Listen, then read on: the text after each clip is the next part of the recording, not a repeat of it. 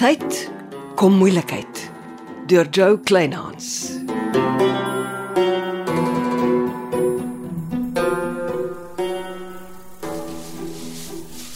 Rus Louie 'n bietjie. Ja, ek het hom gejaag. Hy oordoen dit in die kruietuin. Ag, sit 5 minute op die tuinbank. Jy kort ook 'n breek. Oh, Koeldrank? Dankie.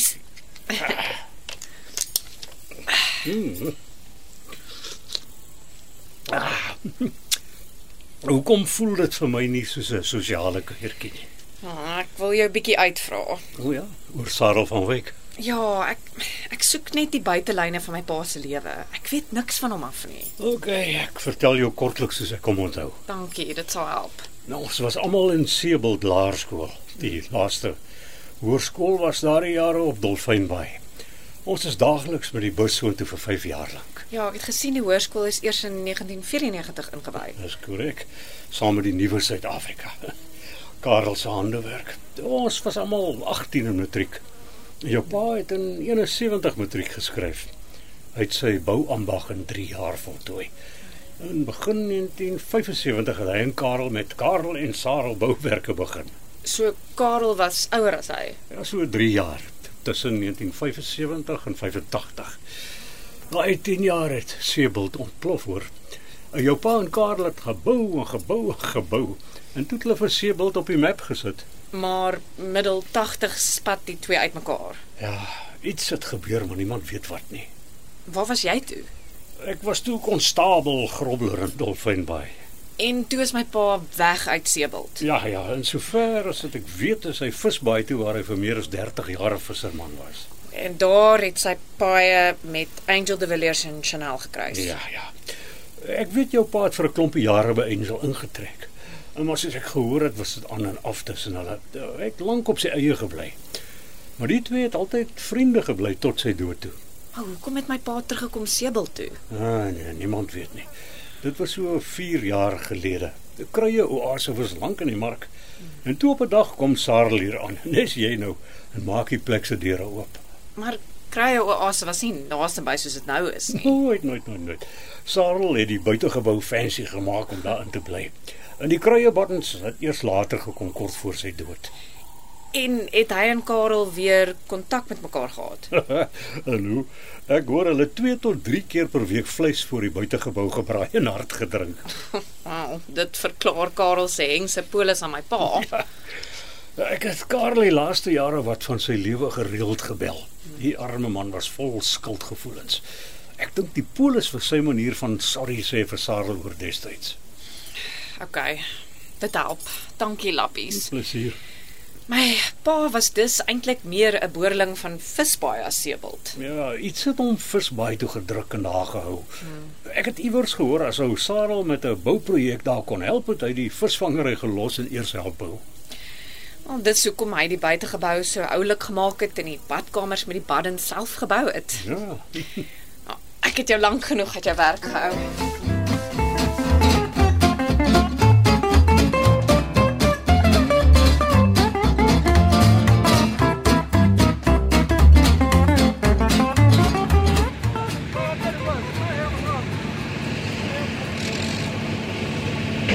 Is jy wragtig weer op my spoor, Johnny? Net na 'n indrukwekkende kompleks. Magtig moet 'n paar sente kos, né? Ja, niks in die lewe is verniet nie. Ek staan net stom oor hoe baie geld mense het in 'n land waar meeste mense krepeer van die ellende. Luister, ek skenk genoeg aan die armes, hoor? Dis goed. Ek sou meer goedkoper behuising vir die massa arme mense wou sien. Ag Johnny, ek het 'n paar rustige minute kom vertoef by my nuwe kompleks. Spaar my tog die aktivisme. Seebult nuus dra môre 'n artikel oor die nuwe kompleks. Nou hoekom wag julle nie tot die bouery klaar is nie? Dis groot nuus op die dorp. En uh, van bouery gepraat. Die jare 1975 tot 1985 was die goue boujaar op Seebult. Dis toe Karel en Sarel Seebult op die map gesit het en Gautengers hiernatoe begin stroom het om vakansie te hou. Ag, is jy alweer besig met jou oorverlepte reeks oor die verlede, Johnny? My tweede aflewering kom Sondag. Ah, met die foto uit jou ouma se trommeltjie. Ja. Ag. En al wat ek wil vra is, Hoekom was Karel so baie in die buiteland? Dis of alles op Sarel afgeloop het, terwyl Karel baie gegallivant het. Ons bly jy dink hy het gerinkank. Wel, daar was nie genoeg kapitaal in Suid-Afrika nie. En banke wou nie sommer geld vir twee jong manne voorskiet nie. Karel het fondse in die buiteland gesoek en gekry. Baby, Dit het niks met jou of iemand anders uit te waai nie. Feit van die saak is die bouery is gedoen en Karel het elke sent wat hulle voorgeskiet is terugbetaal. maar in 1985 het Karel en Sarel bouwerke, Karel Germeshuis in bouery geword. Van Sarel is weg. Hoekom? Omdat hoekom nie reguit is nie, Johnny. 'n Sarel het 'n draai geloop en hy het nooit teruggekom nie. Die dorp skinder al die jare daaroor, maar niemand weet wat die waarheid is nie. Want Jy moes vir Sarel van Wyk gevra het voor hy Bokveld toe is. Ek moes en toe los Karel vir Sarel die allemintige polis. Karel het al die jare 'n sagte hart gehad wat mense uitgebuit het. Sarel het na al die jare teruggekry. Sebel toe, net om van ellende in krye oase te krepeer. Toe kry Karel hom jammer. Wat dink jy? Sarel het beslis nie die polis verdien nie. Jy dink nie Karel se baie buitelandse reise het destyds te veel druk op Sarel gesit nie. Dit het hom nie dalk laat knak nie. Bring my een bank wat in daai jare geld aan Karel hulle voorgeskiet het. Toe, net een. Iemand moes die geld loop soek, anders kon hulle nie bou nie. Dis so eenvoudig soos dit. Ek hoor ja. Jy weet jou gegrawery in die verlede is so onnodig, Johnny. Ek leer verskriklik baie en my lesers ook. Dis of jy 'n groter waardering vir Sebelt kry in die proses. Ha, jy moet politiek toe, Johnny. Jou mond is glad genoeg daarvoor. Eh, Dis nog 'n droom in my agterkop. Ah. Gertrude, is Jimmy Porterhouse betrokke by jou ontwikkeling? Nee, nee, glad nie. Jy moet asseblief nie nonsens skryf nie, hoor. Ai, Gertrude, ek weet nie wat ek gedoen het om so aan jou verkeerde kant te beland nie, maar dis nie lekker nie. Johnny, is alles in plek vir jou voorblad berig Sondag oor ons trust vir dokters Jennings en Silje? Ja, my fotograaf het gistermiddag 'n fotoshoot met hulle gehad. Ek wil volgende week etenstyd in die winkelsentrum sit om die trust te bevorder. Ek sal mense se vrae beantwoord en ek sal hulle aanmoedig om skenkings te doen. Dis gaaf van jou. Mag ek dit maar so skryf in my artikel? Ja, ja. Inskryf tog vir 'n verandering iets goeds oor wat vandag gebeur. Hierdie dorp kan doen met 'n vars briesie.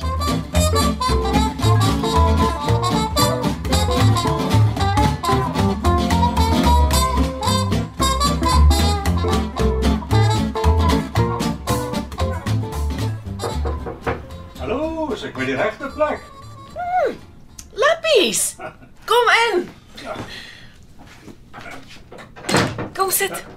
Dankie, dankie. Dis 'n verrassing. Ja. Dankie. Is lekker om jou te sien. Ja, dis onder protes. Het jou inwonende gas ietsie mee te doen? Ja, jy het die man in 'n prostaatsendeling verander. die man praat my ore van my kop af oor een of ander bloedtoets. Dit klink soos soos die PGA golftoernooi.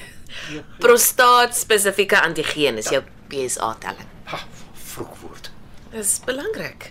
Het jy al ooit hierdie bloedtoets laat doen? Met geld wat ek waar kry. Ek het nie 'n mediese fonds nie. Ek moet kontant hoes as ek na 'n dokter toe gaan. Hierdie is alles vir my rekening. Nee, maar- En nie een woord se tee praat nie. Dis vir al die werk wat jy gereeld vir my doen. Nou is my protes nog groter. Nonsens. Ons gesels gou. Ek vra 'n paar vrae, ek doen goue ondersoek en dan stuur ek jou vir die bloedtoets. Dis vinniger verby as wat mense dink.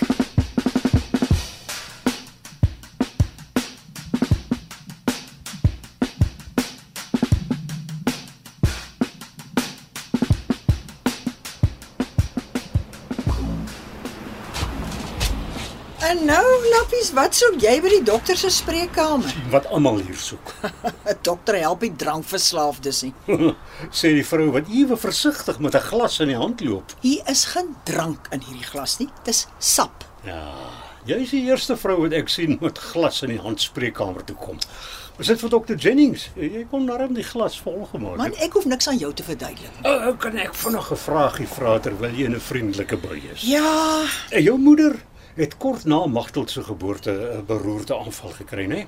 Ja. Jy het daarna versorgingsoord in Swellendam toe gevat. Nou ja, toe. Wat het van haar geword?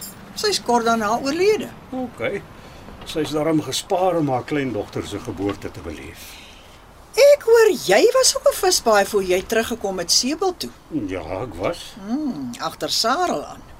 Maar toe kom hy terug Sebel toe, en los jou alleen om jou lyf visserman te hou. Ja, dit was 'n treurmare.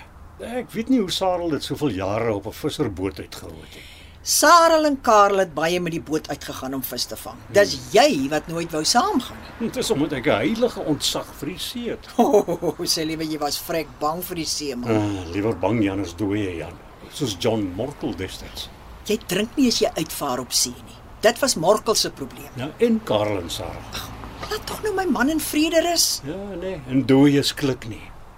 Wat is dit vir onderstel om te beteken, hè? Karel en Sarel is met 'n handvol geheime graf toe. Werk jy saam met Johnny Morkel aan sy seebildreeks? Nee man, jy weet goed ek is daar teen gekant. Ja, maar jy sal enigiets vir geld doen.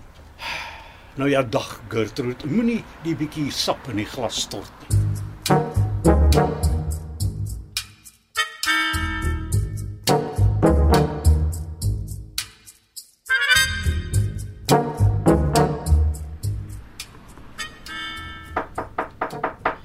Middag Janice. Gertrude, dis 'n middag vol verrassings.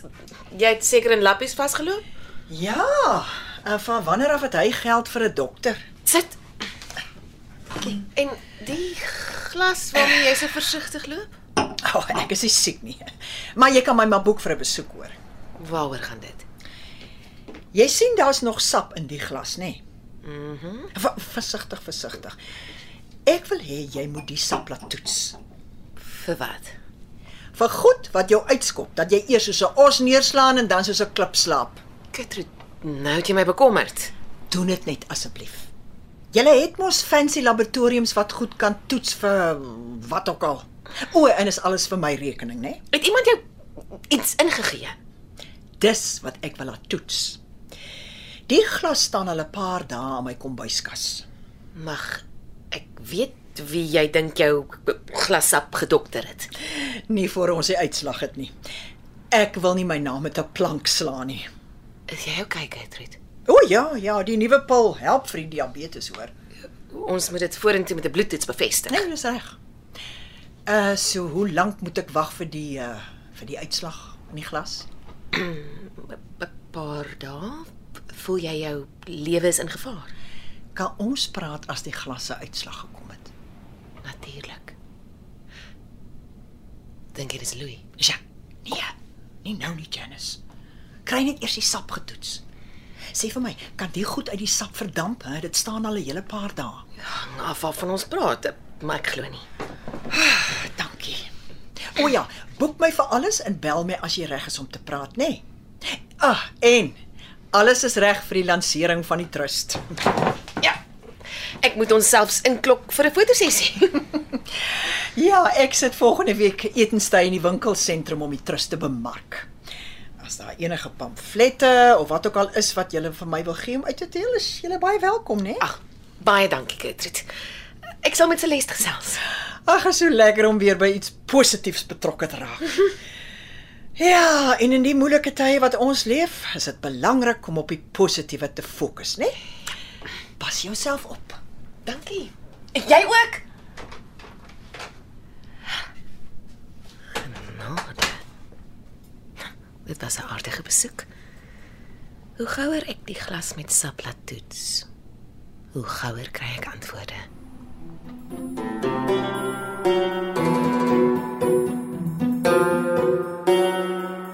Jy het geluister na Kom tyd, kom moeilikheid deur Jo Kleinhans. Die rolverdeling is soos volg: Gertrude Germeshuisen word gespeel deur Susan Beyers, Louis Lategan word gespeel deur Anrich Herbst, Waldie Schultz is Neville Nomus, Frida Kreur is Janice Jennings.